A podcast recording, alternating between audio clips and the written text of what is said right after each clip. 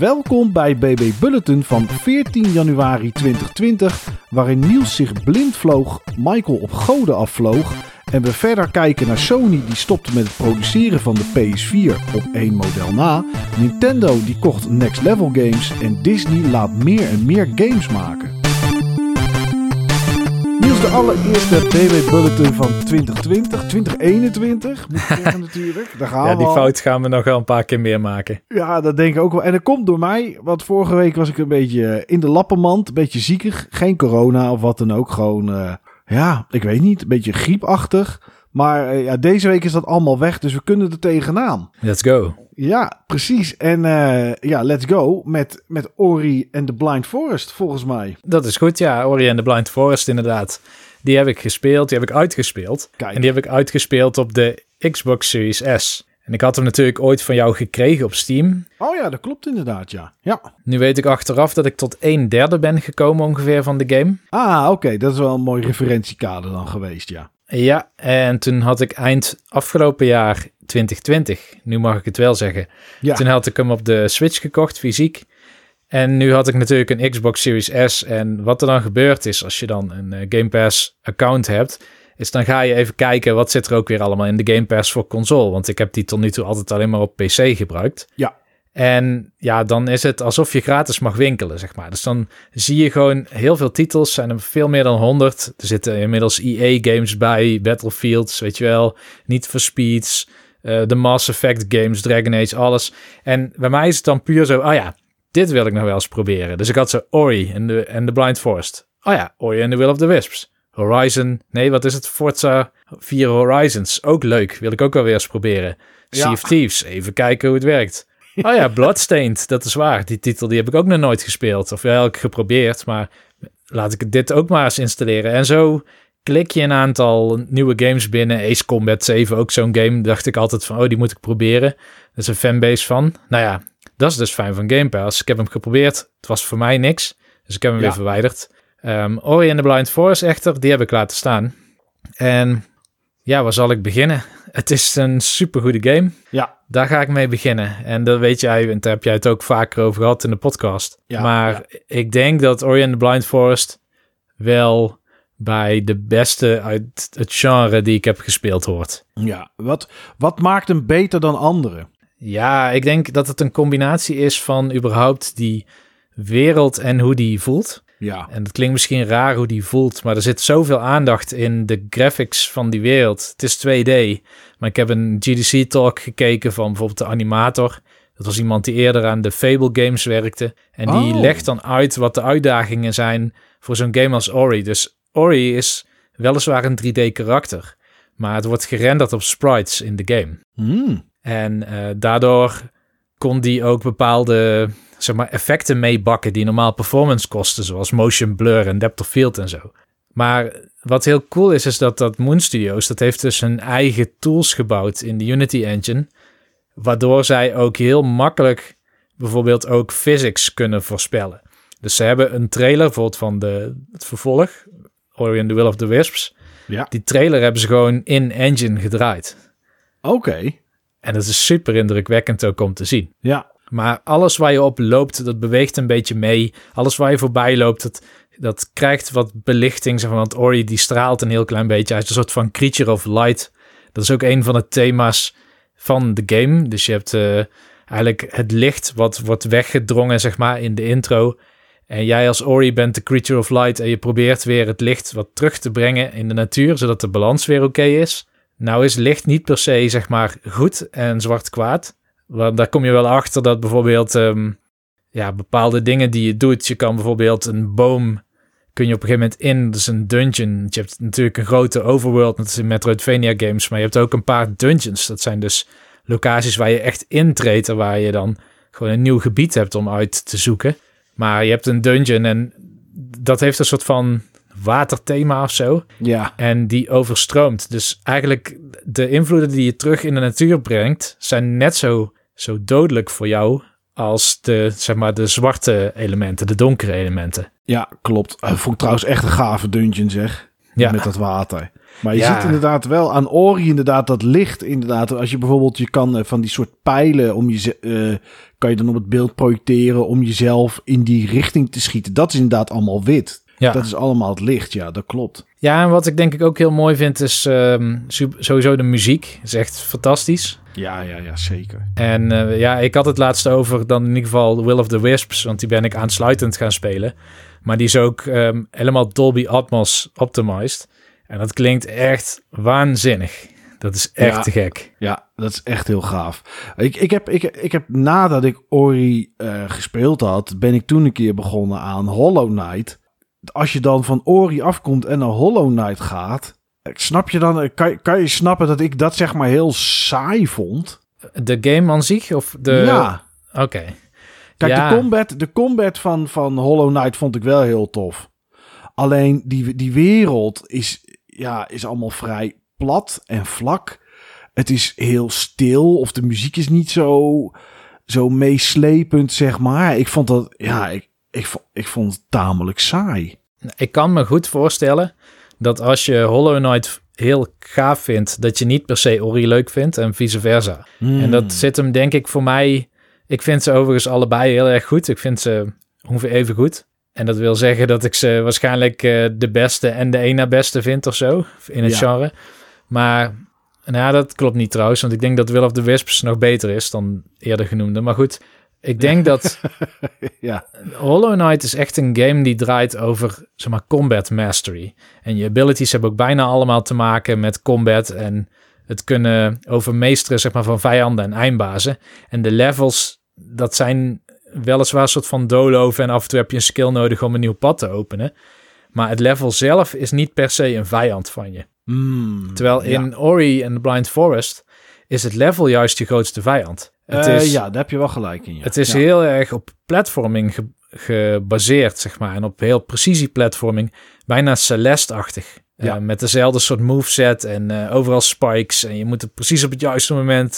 moet je een bepaalde move inzetten of een dash inzetten... om een wall jump te kunnen halen. Weet je wel, dat soort dingen maak je in Ori and the Blind Forest mee. En dat zit bijna niet in Hollow Knight. Nee, nee, nee, daar heb je inderdaad wel gelijk in, ja. Ja, ja, ja daar zit wel een verschil in. Ja, dus wat dat betreft vind ik Ori and the Blind Forest vind ik een Metroidvania met een heel sterk precisie-platforming fundament. Ja. En dan met een fantastisch thema natuurlijk. Met, eh, het, is, het is niet een hele grote game trouwens. Ik heb volgens mij er negen uur over gedaan of zo. Ja, klopt. Ik wil nog wel wat dingen nalopen, want er zijn nog wel wat power-ups die ik niet heb bijvoorbeeld. En er is een gebied waar ik wel een keer ben binnengekomen, maar dat dacht ik toen van ja, ik kan hier eigenlijk nog niet zo makkelijk zien wat ik moet doen, dus ik ga maar weer weg. Maar ehm, ja, ik denk dat ik deze game, Ori and the Blind Forest, zeker nog eens ga herspelen. Misschien dan op de Switch en dan handheld, met een koptelefoon op, kijken hoe dat vertaalt. Oh ja, ja. maar de ja, poort is in ieder geval heel goed. Dus dat wil ik wel proberen. En ik ben dus aansluitend heb ik een stuk in ieder geval van Ori and the Will of the Wisps gespeeld. Gewoon om Ja. te kijken van wat doet dit anders of beter of zo dan het voorgaande deel. En het lijkt erop dat het in bijna alle aspecten nog een betere game is. Ja, wat het eh, vooral voor mij heel anders deed, was eh, de combat, zeg maar. Daar lijkt het toch, eh, is het voor, voor mijn gevoel meer op gericht dan, dan in de eerste. Ja, de eerste is vrij makkelijk qua combat. Ja. Ik denk niet dat ik op combat ben afgegaan in deel 1. Misschien wel eens een Hmm. keer tegen een vijand aangebotst per ongeluk, zeg ja, maar. precies. Maar het Ja. is niet alsof hij iets, een hele gevaarlijke move deed, waardoor ik meteen af was. Nee, nee, nee, nee, nee, dat snap ik. Nee. Deel 2 heeft dat misschien iets meer, maar ik ben nog niet zo ver om dat te kunnen beoordelen. nee. Wat ik in ieder geval wel heb gezien tot nu toe in deel 2 is dat het grafisch weer een stuk snel, sterker is. Het doet veel meer met lagen en de diepte in. eh, nog meer beweegt van het bos. Ja, Met een heel sterk contrast. Als bijvoorbeeld eh, in het begin stormt het, zeg maar, en dan bliksemt het. En dan zie je bijna alleen maar, zeg maar, die hele scherpe schaduwen en scherpe highlights van de belichting. En natuurlijk dat dat in Dolby Atmos gewoon door je kamer heen dondert, zeg maar, is op zich ook heel erg leuk. Ja, ja het, het, het, het is echt wel, het voegt echt toe hoor, bij, eh, bij een game zoals dit, eh, eh, moet ik heel eerlijk zeggen, Dolby Atmos. Omdat, ja, dit, dit is toch een beetje gemaakt ook voor de beleving, zeg maar, voor het gevoel. Ja, En dan, dan helpt dat toch wel, zo'n eh, zo'n geluidssetup. Ja. En wat ik ook nog beter vind in Ori and the Will of the Wisps is dat de levels nog uitdagender zijn. En dat komt meestal omdat ze een soort puzzel-element ook inbouwen. Dus naast precisie-platforming heeft het ook best wel veel puzzels nu. Ja. Ehm, en met puzzels bedoel ik dat je niet zomaar ergens naartoe kan omdat je toevallig die ability hebt. Nee, je hebt bijvoorbeeld een force plate waar je op moet staan om de deur open te, gaan, te, te doen. Maar die deur die valt meteen dicht als je van die plaats afstapt. Dus je hebt iets nodig om daar gewicht op te houden. En dan moet je goed in je omgeving kijken van ja, wat zou je kunnen gebruiken om die force plate ingedrukt te houden. Dus Ja. dat soort dingen zitten er meer in. En dat vind ik wel leuk. En als er één nadeel is, wat ik op dit moment zou benoemen, is dat er meer cutscenes in zitten. ja, die vind ik dan wel weer leuk, moet ik zeggen. Ik, eh, die, die intro is echt eh, van, van Will of the Wisp, zeg maar. Is er echt eentje dat ik denk van... Oké, dit, dit vind ik echt een van de mooiste intro's die ik in tijden heb gezien. Maar puur door, ja, door de muziek en, en een beetje het verhaal en het gevoel wat ze je geven. Ja, ja, ja. Nou ja, die visuals, die hebben ze schijnbaar van de die Miyazaki Ghibli films nagebootst. Oh, Dus ze hebben die films bestudeerd van hoe ehm, introduceren ze bijvoorbeeld eh, bepaalde modellen of zo. Hoe doen ze, werken ze met gelaagdheid? Waar komt het licht vandaan? Wat voor kleuren lucht worden er gebruikt? Dus heel veel van de stijlkeuzes, ook in Blind Forest, die zijn heel direct af te leiden van bijvoorbeeld Princess Mononoke of eh, Spirited Away, die films met name. Ja, ja, ja. Ja, het zijn, het, zijn gewoon twee hele goede games. En eh, als je inderdaad platformen leuk vindt met, eh, met een beetje uitdaging. Ja, dan, eh, zoals al gezegd, ze zitten in ieder geval in Game Pass. Ja. En dat is wel, ja, het zijn gewoon toffe games. Ja, ja. Ja, ik ben op goden afgevlogen en iets, iets vaker en, en meer qua tijd dan ik eigenlijk van tevoren had gedacht dat ik hierin zou steken. Want ik ben de laatste, eh, nou ja, twee weken zeg maar, eigenlijk alleen maar bezig geweest met eh, Immortals Phoenix Rising. En in het eh, jaaroverzicht dat of er nog net aan moet komen of misschien net uit is. Dat hangt er een beetje vanaf hoe, eh, hoe de tijd verloopt. Daar had ik er een begin in gemaakt. Volgens mij was het diezelfde dag. Zeg ik even uit mijn hoofd, Niels? Dat we Dat opnemen. zou kunnen. Ik heb dat stuk al geëdit, maar ik Ja. kan me niet herinneren of dat je die dag was begonnen of dat je dat Ah, überhaupt hebt genoemd. Ja, toen had ik er volgens mij tweeënhalf, drie uurtjes in zitten. Eh, inmiddels zit ik op de 36 uur.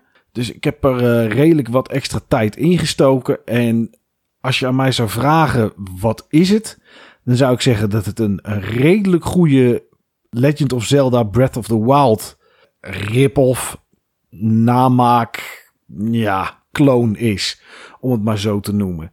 Het is, eh, het is typisch Ubisoft. Dat moet ik er wel bij zeggen. Het is een game van Ubisoft. Hij kwam volgens mij een week, nee, twee weken na Assassin's Creed Valhalla uit. Ik snap dat niet helemaal. Waarschijnlijk moest het gewoon uitkomen. En, ehm, en, en is dat de reden? En ik was eerst aan Assassin's Creed Valhalla begonnen. En die zeven uur die ik daarin heb gestoken, die, die, die voelde voor mij echt als 30 uur. Dat was, het duurde lang en het was saai en plat en nou ja, van alles en nog wat. Ehm, misschien kwam dat ook wel door mezelf, omdat ik heel veel aan het klimmen was. Omdat ik allerlei extra's wilde verzamelen. In het begin gelijk al zonder eerst een stuk van het verhaal te spelen. Maar goed, eh, dat ga ik nog wel eens een keertje doen. In ieder geval een stukje. En toen kwam Immortals binnen en toen dacht ik, nou ja, goed, het is zo'nzelfde soort game, maar laat ik die in ieder geval maar eh, beginnen. En ehm, ja, wat ik destijds had, Niels met Breath of the Wild, waar wij wel eens een hele dag hebben zitten spelen, dat heb ik hier ook inmiddels wel gehad bij eh, Immortals Phoenix Rising. Dat ik gewoon een, een uur of acht, negen achter elkaar zit te spelen en me gewoon geen seconde verveel. Kijk, dat is een goed teken. Dat is een goed teken, inderdaad. En hoe komt dat? Dat komt door, ehm, ja, door de open wereld waar zoveel te doen is. En waar zoveel te vinden is, te beleven is. Nou ja, beleven. Het is vaak wel een herhaling van zetten. Dat wel. Ehm, alleen doordat er wel een hoop diversiteit zit in wat je kan doen, is de game toch leuker dan ik had verwacht. Eh, voor de derde keer, het is een open wereld waar je zelf kan bepalen welke kant je opgaat om je avontuur te starten of, ehm, of je avontuur te vervolgen. Daarbij moet je wel in gedachten houden dat uh, linksom of rechtsom gaan zou kunnen betekenen dat er tegenstanders staan die je in het begin gewoon nog niet kapot krijgt. Maar goed, je zou er langs kunnen sluipen of langs kunnen vliegen als dat is wat je wil. En uh, het speelt zich af, uh, nou ja, rondom de goden en daar krijg je dan ook de krachten van, de abilities van. En zijn ze ook af en toe hier en daar je tegenstanders. En wat die game zo leuk maakt, is dat de. Net zoals in Breath of the Wild, en dat zal nog wel vaker vallen, heb je van die hele kleine dungeons met van die puzzel-elementen erin. In Breath of the Wild had je een soort. Ja, ik weet niet waar het op leek. Een soort. Ja, torentje. Nou, torentjes waren het niet, maar. Ja, een soort omgedraaide halve peren of zo, waar je naar binnen moest lopen. Ik weet niet hoe ik het goed moet omschrijven. ja. Um, nou ja, en daar had je dan een puzzeltje met bijvoorbeeld iets met blokken die je moest verschuiven of die je op moest stapelen en moest springen. Of je moest een bal rollen of dat soort dingen. Nou, exact dat zit in, um, in Immortals. Je kan de blokken niet zelf maken, zeg maar, door, door met, met een ability een soort blok te summonen. Dat niet, maar dan kan je vaak op een knop drukken en dan heb je, heb je een blok wat, wat uit de lucht komt vallen waar je dan een puzzel mee kan doen. Het is exact dat eten maken kan je niet, maar wel potions. Daar kan je objecten voor verzamelen in de wereld. Je kan paddenstoelen oppakken, fruit, allerlei vruchten en, en soort groenten. Die kan, je, die kan je dan maken tot potions die je bij je kan hebben. Dus wat dat betreft is dat een, eh, een redelijke vergelijking.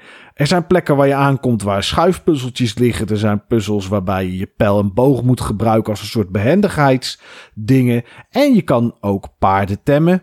Dus ook dat zit erin wat je uit Breath of the Wild kent. Als je gaat klimmen of je gaat gliden, want ook dat zit erin, heb je stamina. En uh, die kan je upgraden, net zoals je hitpoints. En ook daar heb je weer potions voor. Het is eigenlijk exact dat. Groot verschil vind ik wel dat er in Immortals wel echt een verhaal zit. Dat vond ik in Breath of the Wild een heel stuk minder. Daar moest je het echt opzoeken. Hier heb je toch quests. Dat ontbrak in, in Zelda ook wel een beetje. Je had wel een groot doel. Maar hier heb je echt duidelijke markers op de map. Waar moet je naartoe? Wat moet je daar doen? Um, dat soort dingen zijn, zijn duidelijk en die zijn gewoon uitgeschreven. En daardoor zit er ook iets meer verhaal in, omdat je natuurlijk gewoon wat zaken volgt op de volgorde die Ubisoft graag wil dat je dat doet. Um, ja, het is wel Ubisoft. Dus ja, in elk gebied klim je een heel groot standbeeld op en kijk je erover uit en gaat de mist over de map weg. Want ja, zo werkt dat nou eenmaal in hun games. En um, dan zie je niet, en dat vind ik wel echt een minpunt. Um, je ziet niet waar alle extra's zijn die je kan vinden. Waar zitten de, de dungeons? Waar liggen de items om je hitpoints te upgraden? Dan moet je naar een, een first-person view gaan. En dan moet je ja, ronddraaien. En dan gaat je controller trillen. En dan moet je op het juiste plekje de rechter trigger indrukken. Zodat die dan een, een, een icoon op de map zet. Nou, dat vind ik echt heel slecht en heel storend. Want ja, uh, hoe weet ik nou of ik ooit alles gevonden heb? En in die first person view, als je dan, hij doet het, hij kijkt in de verte, misschien tot een meter of 800 ver. Ja, als er dan twee items voor zitten, blijft dat ding maar trillen. En dan moet je heel precies met je controle op het plekje moet je klikken. Ja, dat, is, dat is wel echt vervelend. Maar voor de rest is het echt wel een leuke game. Ik zit wel op het punt na 36 uur dat ik denk van oké, wat ik nu ga doen is ik ga alle main quests er doorheen rammen. Omdat ik sterk genoeg ben en de combat me inmiddels ja, uh, goed afgaat. Er zijn ook geen tegenstanders meer die qua level omhoog kunnen. Hoger dan wat ik ben. Het werkt met kleurtjes. Je hebt uh, tegenstanders die zijn rood, die zijn blauw en die zijn paars. Nou, paars is het hoogste. En uh, nou, dat gaat me prima af. Dus er is voor mij niet echt een noodzaak op dit moment om extra dungeons te gaan doen en te upgraden en mijn skills te upgraden. Want alle belangrijke skills, die heb ik. Dus ik, uh, ik wil nu eigenlijk door de main story heen zoveel mogelijk tot er een point of no return is, want die is er.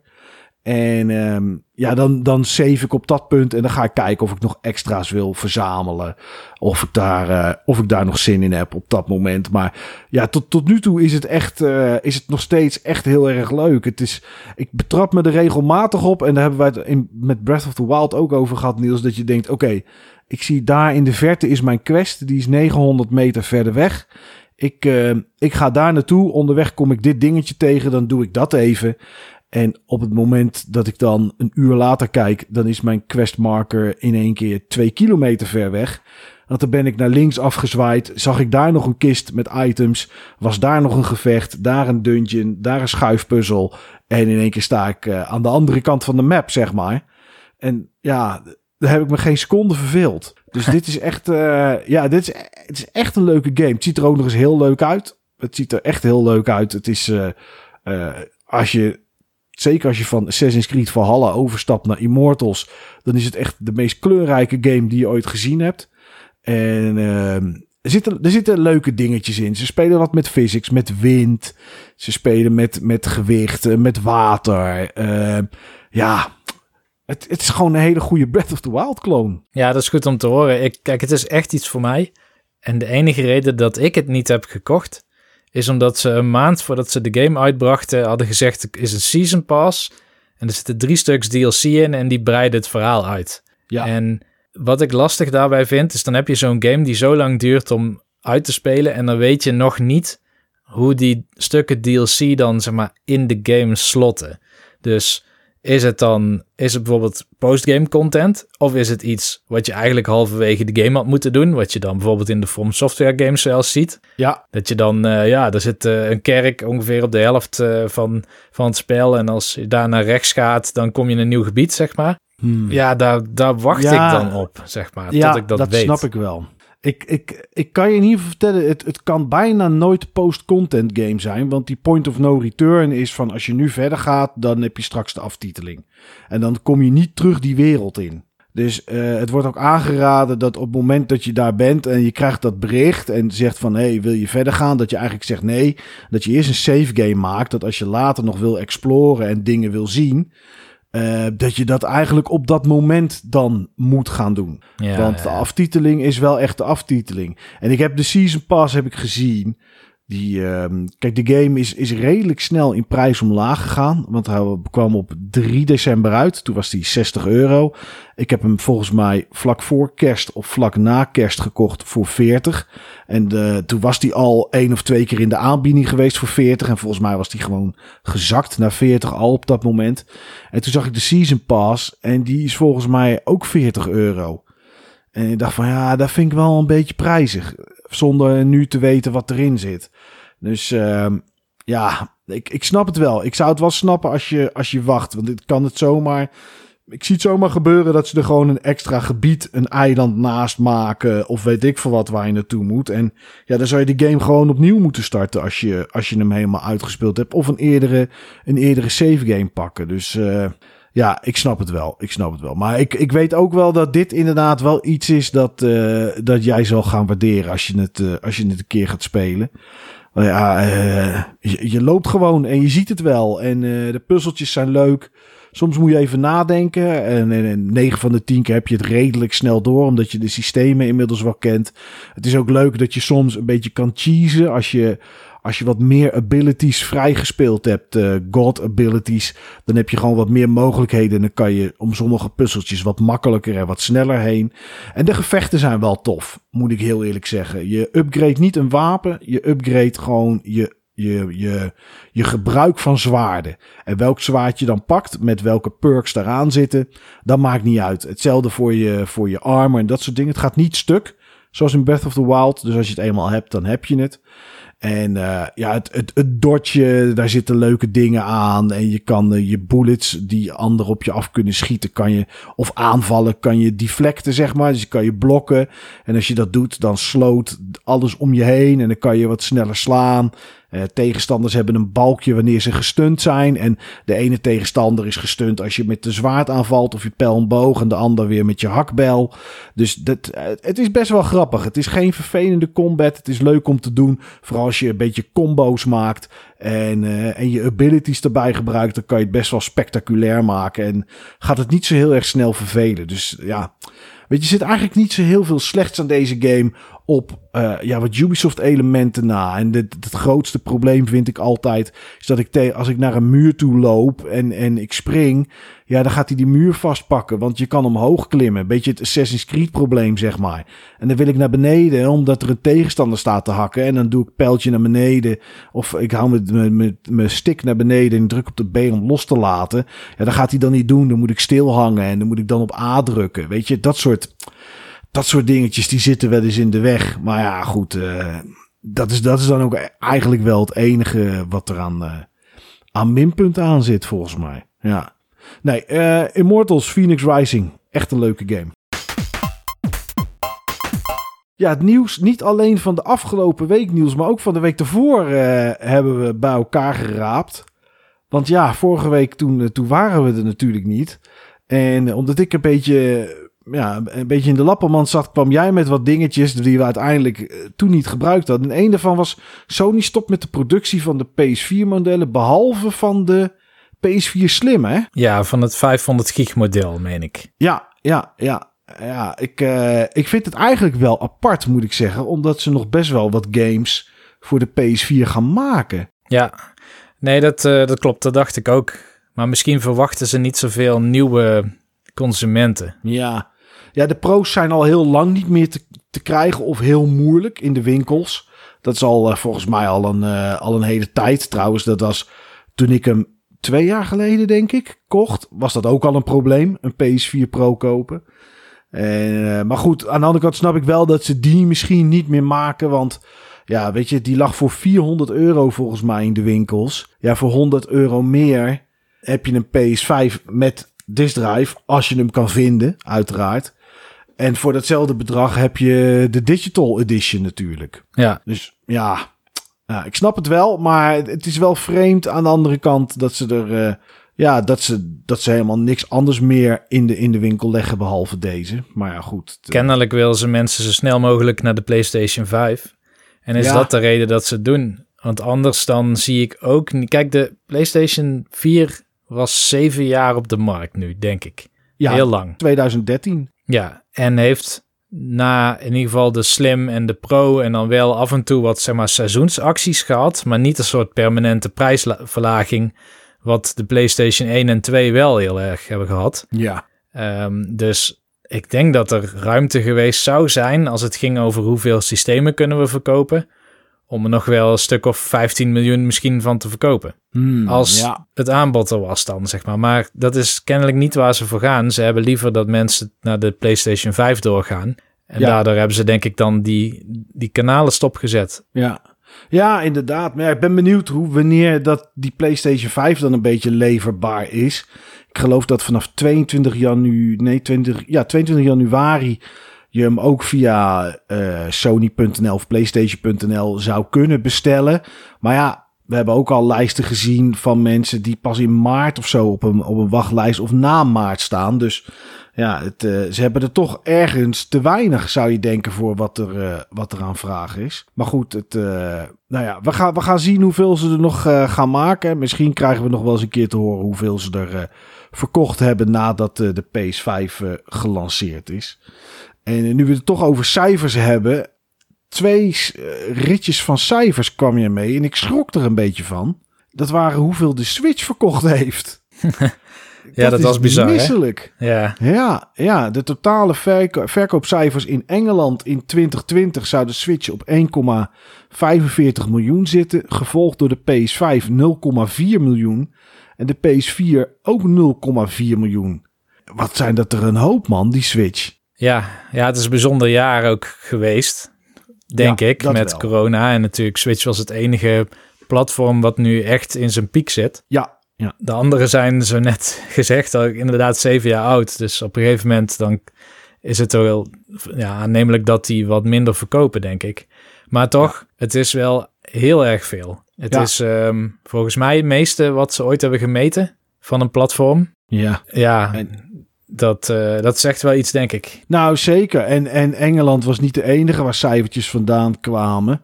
Uh, Japan, die, die, die, die plakte je ook even van de week in WhatsApp. Eh 2020 Japan, de PS4 eh, een 0,5 miljoen. De Switch 6 miljoen. ja, Ja. ja, lang leven Animal Crossing, denk ik. Ja. ja, lang leven Animal Crossing. Wat volgens mij ook allerlei records heeft gebroken. Alleen hebben we daar niet zoveel over gehoord. Ik had wat meer PR verwacht. Ja, ja, maar het is volgens mij helemaal niet zo des Nintendo's. Hè, om daar dan enorm mee te koop te lopen. Want deze cijfers komen ook niet bij Nintendo vandaan. Die, eh, ze doen het wel eens, volgens mij. Misschien dat we in april of zo wat krijgen als het financiële jaar afgelopen is. Dan horen we meestal wel iets, maar voor de rest is het meestal eh, is het vrij stil. Maar het, het schijnt ook nog niet op te houden. Want eh, als je kijkt naar wat eh, grote bedrijven die voorspellingen doen, zeg maar, van die, van, van die cijfertjesbureaus, die verwachten dat in 2021 de Switch ook meer zal verkopen dan de Xbox Series X en S en de PS5. En ik denk dat ze daar wel gelijk aan kunnen hebben, al is het alleen maar vanwege het feit dat die lastiger te krijgen zijn natuurlijk. Ja, Maar eh, ja, ik ben benieuwd wat het gaat doen in het, eh, in het, eh, in het, in, in het aankomende jaar. Nintendo zit in ieder geval goed met de Switch. Dat is, dat, eh, ja, dat is toch wel een, een duidelijkheidje. En, mocht je nou een Switch hebben, 12 februari komt Super Mario 3D World uit naar de Switch. Een game van, van de Wii, samen met Bowser's Fury. Heb je de trailer gezien van de week, Niels? ja, die heb ik gezien. En, ga je hem kopen? Ja, ik ga hem kopen.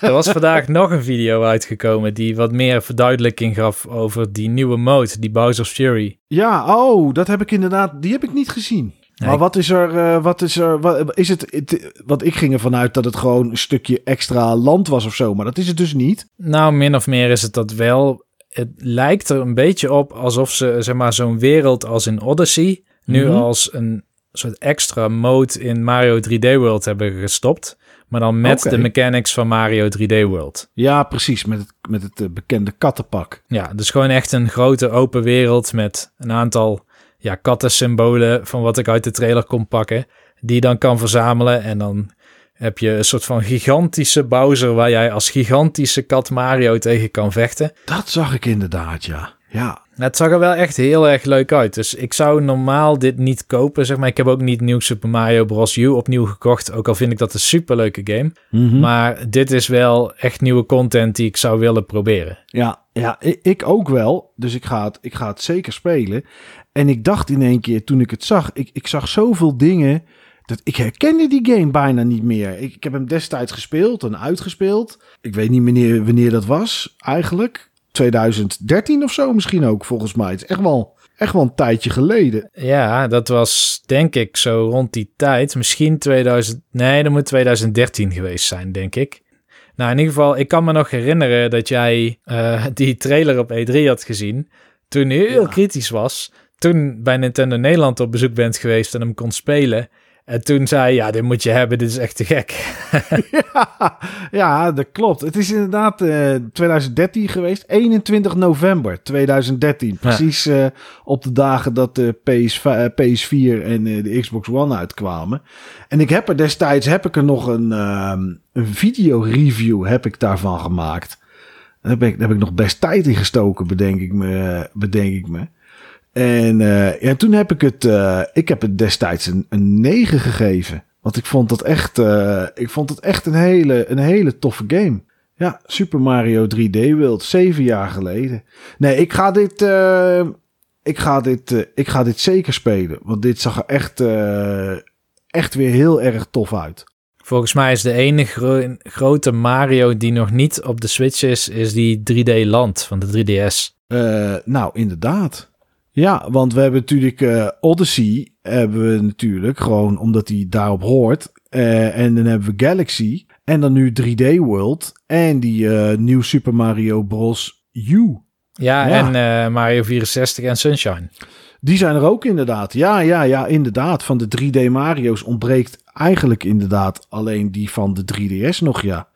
Maar ja, die was, die was wel heel erg geënt op 3D. Dus ik denk dat dat, het zou wel kunnen, maar dan is denk ik een beetje eh, de gimmick ervan af. Ja. Als ze dat zouden doen. Ja. Nou goed, eh, genoeg switches. komende jaar genoeg te spelen. Want als je nu zou willen, is de demo uit van Monster Hunter Rise. Heb jij die al geprobeerd toevallig, Niels? Een paar keer gespeeld. En? Ik vond het heel erg wennen. Ehm, Oké. Het is wennen omdat die, zeg maar, je hebt een nieuwe mechanic, de wirebug. En dat is een soort van, laten we zeggen, double jump. Dus het is een soort lasso waarmee je jezelf omhoog kan trekken, langs oppervlakte omhoog kan trekken. Of misschien op een pila- pilaar kan katapulteren. En je gebruikt het ook in een battle om heel snel bij een monster te komen of om heel snel afstand te maken. En dat is echt wennen. Want de controls van Monster Hunter waren al moeilijk. Toen Ja. je nog alleen maar hoefde te vechten. En nu heb je dus dit erbovenop. Dus dat is wennen. Ehm, het speelt wel echt heel goed. Ik moest ehm, na twee missies die erin zitten. Je hebt een beginner mission en een zeg maar, intermediate missie. Mhm. Toen moest ik toch concluderen dat dit wel weer een Monster Hunter is waar ik waarschijnlijk tijd in ga steken, ja. Oké. Hij is iets kleiner dan World, dus het is niet van Ja. zo'n grote open werelden, maar het is wel net als World een open wereld zonder laadtijden, zeg maar, en zonder zones. En ik denk wel dat ten opzichte van World zit je wel wat sneller in de combat. Want je hebt niet van die, die, die scout flies die je daar had, weet je wel, dat je zo'n trail Ja. moest, moest volgen en dat je een voetsporen vond en dan gingen die scout flies weer verder en uiteindelijk kwam je bij het monster. Nee, in deze demo zit er gewoon een pijl vanaf het begin van nou, hij is ongeveer die kant op, hemelsbreed. Ehm, die gaat denk ik weg, want alle demo's hadden zo'n mechanic en die ging uiteindelijk eruit. Maar omdat de omgeving iets kleiner is, maar wel verticaler, dat wel. Dus dat Ja. kan ook weer lastig zijn, dat je helemaal naar beneden valt van een waterval of zo en toch weer helemaal omhoog moet gaan klimmen. Toch denk ik dat je sneller hier in combat zit. En je kan natuurlijk op monsters gaan zitten en ze besturen. Ja, ja, ja, je kon in World wel op monsters gaan zitten, maar ze niet besturen volgens mij. Nee, en dat bij World, dat was eigenlijk vrij lastig, vond ik. Want dan had één speler had dan iets te doen en eh, de rest kon dan toekijken, zeg maar. Ja, En- ja dat klopt. Dat zou hier ook kunnen, maar je kan als speler een monster super hard de muur in laten rennen en dan valt hij duizelig op de grond of zo. En ik denk dat je hiermee toch iets meer teamwork kan gebruiken. Hmm, Oké, nice. Nou ja, goed. eh, mocht je het willen proberen, hij is er voor de Switch. Eh, iets anders dat er bij de Switch is gebeurd, is dat Nintendo heeft Next Level Games gekocht. Ik weet niet, eh, ja, het zijn de makers van Luigi's Mansion 3, onder andere. Ik weet niet, wat hebben zij nog meer gemaakt, Niels? Luigi's Mansion 2. Oh, die hebben ze ook gemaakt. Ja, en volgens Oké. mij Mario Strikers. Ah, oké. Wel echt een, een, een ontwikkelaar die dus eigenlijk puur Nintendo-achtige achtige dingen doet. Ja. Eh, nou ja, netjes. Die, eh, die hebben ze overgenomen. En eh, nou, ik ben benieuwd wat het eh, volgende is dat ze, dat ze gaan maken. Waar ook heel veel gebeurde de afgelopen week met dingen maken die mij een beetje verbaasden hier en daar, was Disney. Ehm, Disney is natuurlijk eigenaar van alles wat Star Wars was. Alles wat eigenlijk van Lucas Arts was, Lucas Films. Eh, dus, dus dingen als eh, Maniac Mansion en, eh, en, en, en Sam Max, nou ja, dat dan niet meer. Maar misschien lenen ze dat uit, dat zou wel kunnen. Alles, alles hoort bij Disney. Bethesda, dat hoort tegenwoordig bij Microsoft. En toen werd er in één keer aangekondigd dat er een Indiana Jones game gemaakt gaat worden door Machine Games. Dat zijn de makers van Wolfenstein. Ik heb geen idee wat ze gaan maken. Dat hebben ze ook nog niet voor de rest aangekondigd. Maar ja, blijkbaar is, er, ehm, is daar een, een idee voor. En ja, Todd Howard, dat is eh, de man die we kennen van de Bethesda Studios. Die onder andere boven Elder Scrolls en Fallout en zo staat. Eh, die gaat zich er ook mee bemoeien. Eh het zou een- geen invloed moeten hebben op zijn werk wat hij al heeft liggen. Dus eh, hoe ver die het gaat doen, geen idee. Maar ja, wel interessant. Eh, daarbij heeft Disney aangekondigd dat alle games die vanaf nu uit gaan komen, zullen vallen onder de vlag van Lucasfilm Games. Dus nou ja, wat daar, eh, wat daar het verhaal achter is, geen idee. Maar dat gaat in ieder geval gebeuren. En toen kwam er vandaag het nieuws dat Ubisoft, en in dit geval Massive, het onderdeel van Ubisoft dat de, de Division bijvoorbeeld heeft gemaakt, die gaat een Star Wars game maken. Een open wereld Star Wars game. En toen krabbelden wij virtueel dan wel, Niels, even ons een beetje op het hoofd. Want ja, dat is eigenlijk EA die daar een contract voor heeft. Ja, Ja, dat was ook toen jij dit postte op WhatsApp.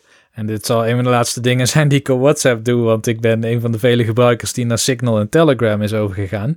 Maar ehm, toen moest ik inderdaad even achter mijn oren krabbelen, want ik had wel verwacht dat de relatie Electronic Arts Disney niet optimaal was. Ze hebben heel veel Ja. gecanceld en zo. En ze hebben ook slechte beslissingen gemaakt met sommige games. Niet die laatste game die ze uit hebben gebracht, maar wel die Battlefront. Nee, niet, eh, ja, precies. Niet Fallen Order. nee. Dat is voor de rest wel goed gegaan. Daar is trouwens eh, optimalisatie voor inmiddels. Voor de PS5 en voor de Xbox Series X en S. Ja. En op de Xbox zelfs met een performance mode en een, eh, en een, en een graphical mode. Maar inderdaad, met Battlefront, ja, dat was natuurlijk, daar begon het hele gedoe mee met die lootboxen natuurlijk. Met Battlefront 2. Dus dat was niet zo best. Maar ja, het, het is apart. Alleen wat ik wel las ergens was dat de kans is dat deze Ubisoft game pas in 2023 uitkomt. En dat is dan precies tien jaar na dato dat het eh, contract met EA opgesteld was. En dat zou kunnen zijn dat het dan afloopt en dat daarom andere games kunnen maken onder de Star Wars vlag. ja, goeie. Ja, ja. Maar goed, ehm, ze zei, eh, Disney heeft wel aangekondigd en gezegd dat, eh, dat er bij EA een aantal Star Wars games in de maak zijn. En dat ook daarna nog wel, eh, dat het niet het einde betekent van de samenwerking met, eh, met EA. Maar goed, een Indiana Jones game, geen idee wat het is. De laatste Indiana Jones game die ik gespeeld heb was een point-and-click adventure. Nou, dat zie ik machine games niet maken. Maar ik hoop toch ook niet dat het een first-person shooter wordt. Want als Indiana Jones niet iets is, dan is het met veel wapens en schieten. Dat is toch meestal slim proberen te ontkomen en dat soort dingen. Maar we gaan het zien. Ehm, als je ook iets wil zien, genaamd Little Nightmares 2, dan is vandaag de demo uitgekomen voor PlayStation en voor Xbox. Misschien, eh, misschien leuk om, eh, om dat eens eventjes eh, te gaan spelen. Ehm, Hogwarts Legacy, de game waar heel veel mensen naar uitkeken. Want ja, Harry Potter, die is uitgesteld. Die komt naar. eh, eh, nee, die komt naar. Die gaat naar het jaar 2022. En vandaag zijn er eh, ook wat dingetjes uitgekomen die Sony heeft laten zien. De CES is begonnen. Ehm, daar Sony heeft wat laten zien. Nvidia over eh, nieuwe games met drivers en allemaal technische snufjes. Maar eh, het meest interessante is eigenlijk het onderdeel van Sony. Want die hadden een trailer waar wat release windows. Zijn niet altijd eh, echte data. die daarin stonden. En de eerste is Capcom's Pragmata. De naam zei me niet zoveel nieuws. Totdat ik erbij las dat dat die game is waar we van eigenlijk niet weten wat het is. Maar zo'n sci-fi game met iemand die in, op midden van een straat staat. Met allemaal auto's die kapot zijn. En die dan zich oplaat of zo en naar de ruimte vliegt. Ik weet niet meer precies wat het was. Weet je? Als Ja, ik weet welke je bedoelt. Ik kan me de trailer nog herinneren, ja. Ja, nou goed. eh, die game die, eh, die zien we voorlopig niet. Want die is doorgeschoven naar 2023. Dus dat duurt nog wel even. Eh, Project Athia, een eh, Square Enix game exclusief voor de PS5. Die is ook doorgeschoven. Tenminste op dit moment nog exclusief voor de PS5 naar januari 2022. Dus dat duurt ook nog minimaal een jaar. Stray, dat was een, eh, een game die we volgens mij tijdens de E3 zagen. Met een, met een, met een straatkat. Die eh, komt eh, in oktober ergens uit. Ja, dit zat in de PS5 reveal, Stray. Oh ja, dat was het. PS5 review. Daar zat het in inderdaad. Ja, ja. Eh, Kina, Bridge of Spirits. Die was uitgesteld. Die komt nu in maart. Solar Ash komt in juli. En Little Devil Inside komt ook in juli. En Ghostwire Tokyo, de tijdelijk exclusieve game van Bethesda voor de PS5, komt ergens rond oktober. Dus eh, nou ja, mocht er iets tussen zitten, dan, eh, dan, dan, dan weet je dat. Dan weet je wanneer het uitkomt. Ja, Niels, eh, CD Projekt Red was de afgelopen twee weken ook weer in het nieuws. Ze zijn aangeklaagd door de investeerders. De investeerders hebben gezegd: jullie hebben nooit verteld en laten zien hoe de game loopt op de PS4 en de Xbox One. En nu is ook, ja, ik heb het maar een soort vertaald naar de Poolse ombudsman of. Of ja, een of andere belangenvereniging. Nou, belangenvereniging niet, maar een soort consumentenbond bedoel ik. Die is in de lucht gekomen en die zeggen: als CD Projekt Red bij de komende patches de games niet verbetert, dan gaan wij een boete uitdelen. Eh, eh, dit gaat toch nooit meer goed komen? Ja, ik weet. dat is een goede vraag. Ik, eh, Weet je, ik heb het gewoon niet gevolgd. Dus ik heb hier eigenlijk geen mening over. Nee, oké. Nou, ik wel. Uh, nee, ja, nee, ja er is voor de rest ook niet. Maar dit is, man, man, hoeveel, hoeveel bakken ellende kan je jezelf op de hals halen, denk ik dan. Zo, zo mooi dat op dag één dat je je investeringen, al je ontwikkelkosten eruit hebt. En dan de weken daarna alleen maar ellende en geklaag. Ja, dat is toch verschrikkelijk. Maar ja, het is. Uh, ja, eh, je krijgt wat je verdient, zeggen ze wel eens. Of zoiets. Nou goed. Wat je ook kan krijgen als je het verdient in de toekomst, als je een smart TV koopt waar Android op staat, en dat die kans wordt uh, redelijk groot, dan heb je als goed is geen losse Chromecast meer nodig om Google Stadia te gebruiken, maar dan is er gewoon een app. En het enige wat je dan nog nodig hebt is een Bluetooth controller en uh, voor die naar je tv kan verbinden en dan kan je spelen. Dus uh, nou, dat doen ze, doen ze wel aardig, zat natuurlijk ook al in. Maar ja, het het komt eraan, dat hebben ze op de CES 2021 ook aangekondigd. En het laatste, en daar moest ik toch wel om lachen, Niels. Dat, ik, ik, ik dacht daar van alles bij, was wat ik afgelopen week las. En dat is uh, dat Microsoft ooit in de tijd van de originele Xbox, toen die uitkwam. En toen kregen ze denk ik een soort hoogmoedswaanzin of zo, of wat dan ook. Allerlei bedrijven hebben geprobeerd op te kopen, zoals uh, Square Enix, Midway en EA, maar ook Nintendo. Dat kan je toch niet voorstellen? Nee, dat kun je je niet voorstellen, inderdaad. Ja. Was dat toen al met Peter Moore? Nee, dat was met Steve Ballmer. Nou ja, inderdaad. En Steve Ballmer die schijnt een, uh, een, een, meeting opgezet te hebben met Nintendo uh, van een uur of weet ik veel wat. En uh, ja, die heeft daar gezegd: wij willen jullie kopen. En in het, in het, in het document waar dit in stond, stond Nintendo, zeg maar, they just laughed their asses off. Like, imagine an hour of somebody just laughing at you. That was kind of how the meeting went. Ja, ja ik zie dat. Uh, komt Steve Ballmer binnen, zwetend, heel druk, met zijn kale hoofd. Ja, we gaan jullie kopen, we willen jullie kopen. En dan gewoon alleen maar uitgelachen worden. Ja. Wat is dat voor hoogmoedswaanzin, joh. Ik, ik, heel apart. Heel apart. Ja, goed, dat het niet gebeurd is, dat, uh, dat is logisch. Anders dan hadden we zag het er allemaal heel anders uit inmiddels. Maar goed, het is, ik vond het wel uh, apart om dat, uh, om dat te lezen. En het is wel uh, typisch dat ze het ooit geprobeerd hebben. Maar ja, goed. als je het niet probeert, weet je het niet, Niels. Dat is natuurlijk ook zo. Dat is zo. Maar ja, misschien hadden ze dan geen Nintendo moeten kiezen. Misschien hadden ze voor iets kleiners moeten gaan. En dat is hem. Wat mij betreft, tenzij jij nog ergens iets hebt, Niels, dat je denkt van, hey, dit ben ik tegen. Heb je trouwens die eerste in-engine beelden gezien van Stalker? Oh ja, die heb ik je gestuurd Die heb jij gestuurd, ja. Die heb ik die gezien. Heb ik gestuurd. Ja. ja Ziet er mooi uit. Ja, het zag er zeker goed uit, zeg. En wat gaan ze doen met uh, Pokémon 25 jaar? Want dat komt er binnenkort aan. En ze gaan iets doen met Katy Perry, blijkbaar. Maar ik weet nog niet wat. Ik zit daar ook niet genoeg in de scene om dat te weten, inderdaad. Nou ja, volgens mij komt dit jaar die MOBA uit die ze hebben aangekondigd vorig jaar. Oh ja, ja, ja. En misschien nog wel weer de volgende grote game, want Sword and Shield zijn ook nu twee jaar, uh, niet twee jaar uit, maar die zijn dan twee jaar Let's Go, Let's Go Eevee hebben ze toch nog gedaan? Ja, was dat, dat was in het begin. Was dat, ervoor? dat was ervoor. En volgens mij is in 2019 Sword and Shield uitgekomen.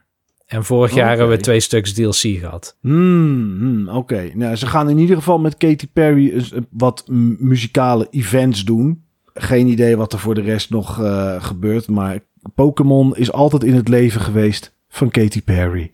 Oh. Nou, oh, wat lief. Nou, dat is toch, uh, dat is toch leuk om te weten. Maar goed. Um, oh, en iets met McDonald's. Oh, ik word wel enthousiast nu. Dat is uh, goed zeg. Ze gaan ook iets met McDonald's doen. Nou. Een Happy Meal uh, toy of zo. Ja, ja, dat zal het wel zijn inderdaad, ja. Ja, ja ze gaan do iets doen met Build a Bear Workshop. Dat heb je in Amerika volgens mij. Dat je zelf je beer in elkaar kan, kan zetten. Levi's jeans. Dus misschien krijgen we broeken met uh, Pikachu op je kont. En fastfood outlet McDonald's. En merchandise is coming from Jazzwares. Daar heb ik nog nooit van gehoord. Funko en Mattel. Dus nou, ook eh, de Funko Pops worden weer, eh, worden weer van stal gehaald. Dus dat wordt weer verzamelen natuurlijk. Het is ook nou. het 35ste jaar van Zelda dit jaar. Ook ja. Ja, daarom dachten mensen dat we dit jaar wel Breath of the Wild 2 zouden krijgen, las ik. Hm. Ik geloof daar niet zo in, moet ik heel eerlijk zeggen. Nou, ik weet niet. Hm, oké. Nou ja, zodra we het weten, dan vermelden we het hier in, eh, in BW Bulletin. Goed, dat was hem. De allereerste van eh, 2021. Bedankt voor het luisteren en tot volgende week.